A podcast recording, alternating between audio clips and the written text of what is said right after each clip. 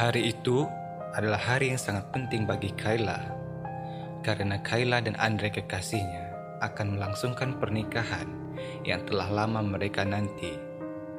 Kayla dan Andre sudah berpacaran selama tiga tahun, dan baru dua bulan yang lalu, Andre melamar Kayla. Kayla dan Andre melangsungkan pernikahan pada hari Minggu. Suasananya sangat haru, dan mereka sangat bahagia. Mereka hanya mengundang orang-orang terdekat saja. Bisa dibilang, ini adalah upacara pernikahan dan pesta pernikahan yang private. Setelah upacara pernikahan berlangsung, diadakan jamuan makan. Semua orang tampak bahagia. Semuanya berjalan dengan lancar seperti yang mereka inginkan. Dan setelah semua acara selesai, Kayla dan Andre pulang ke rumah telah dibeli Andre untuk mereka berdua tempati. Mereka pulang menggunakan mobil pemberian ayah Kayla sebagai hadiah pernikahan mereka. Jalanan sangat sepi. Di dalam perjalanan, mereka berkendara dengan kecepatan sedang, dan mereka berbincang-bincang di dalam mobil. Bak pengantin baru yang berbahagia, mereka bersenda gurau. Tetapi mereka berdua merasa lelah setelah seharian dengan acara pernikahan mereka. Andre pun menambah laju mobilnya agar mereka bisa cepat sampai tujuan. Tiba-tiba, seekor rusa melintas di jalan. Andre yang tidak fokus hilang kendali sehingga mobil mereka menabrak pembatas jalan dan mobil mereka masuk ke jurang. Mobil mereka terjun ke dalam jurang sehingga menghantam benda keras yang membuat mereka terhempas keluar dari mobil. Dan seketika mereka tak sadarkan diri, Kayla terbangun oleh rintik hujan yang membasahi pipinya. Kayla bangun dengan luka di kepala. Kepalanya terasa sakit sekali. Kayla mencari Andre suaminya, tetapi Andre tidak ada di dalam mobil dan tidak ada di sekitar. Kayla sendirian dan takut, apalagi suasananya telah mulai gelap. Kayla tetap mencari Andre sehingga menyusuri hutan terlalu dalam tetapi dia tidak kunjung menemui suaminya itu. Tiba-tiba hujan turun dengan lebat, dan Kayla cepat-cepat berlari dan mencari tempat untuk berteduh. Dan Kayla melihat sebuah pohon besar dengan lubang yang besar menganga di batangnya.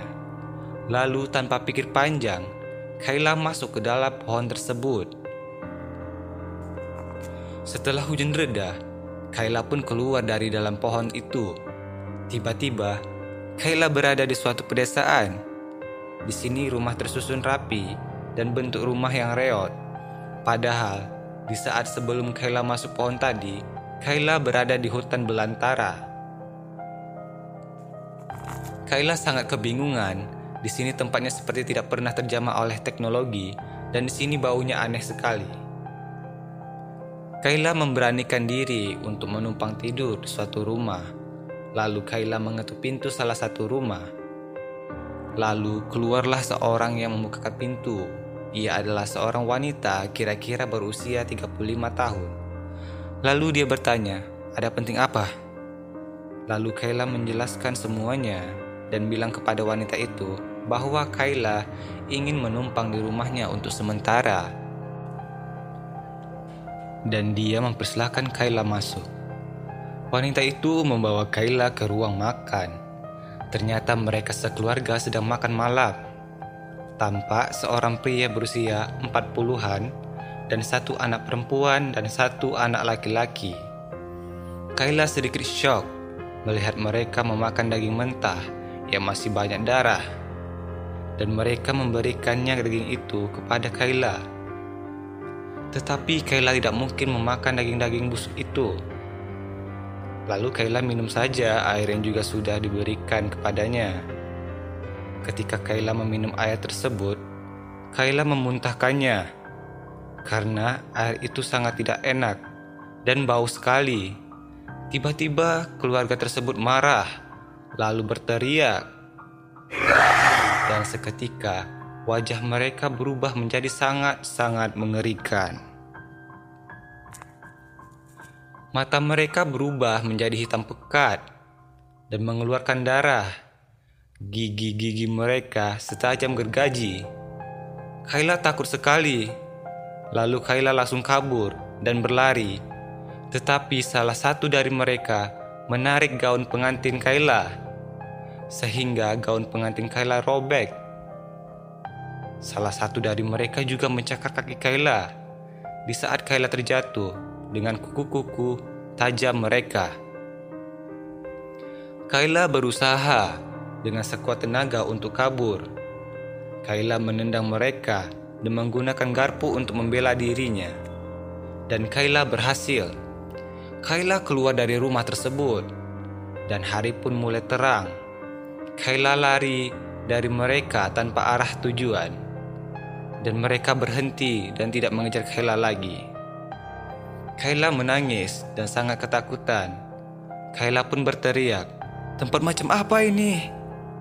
Kaki Kayla sakit karena cakaran itu dan mungkin akan infeksi. Tidak jauh dari rumah tadi, Kayla telah tiba di suatu tempat seperti pasar. Terlihat seperti pasar daging karena Kayla hanya bisa melihat daging saja yang dijual mereka.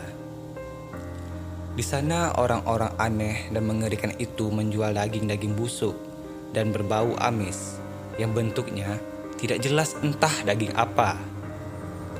Tampang-tampang mereka menyeramkan dengan kulit pucat kebiruan mereka hanya menatap tajam kepada Kayla dan mengeram seperti hewan buas. Kayla sangat ketakutan sekali, tetapi Kayla sangat bersyukur mereka tidak mengejar dan memangsa Kayla seperti keluarga yang tadi.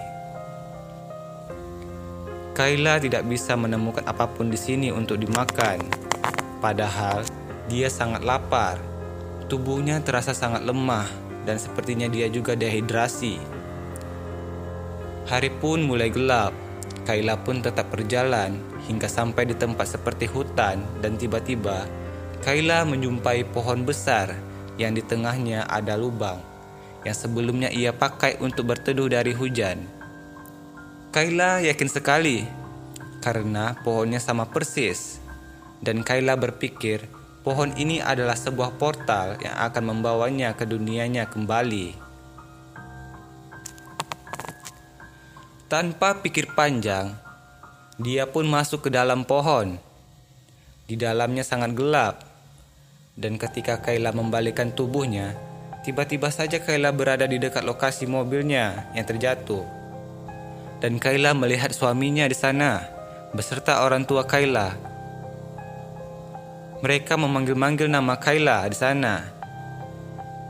Di sana juga terdapat polisi dan petugas medis. Kayla senang sekali. Kayla langsung menghampiri mereka.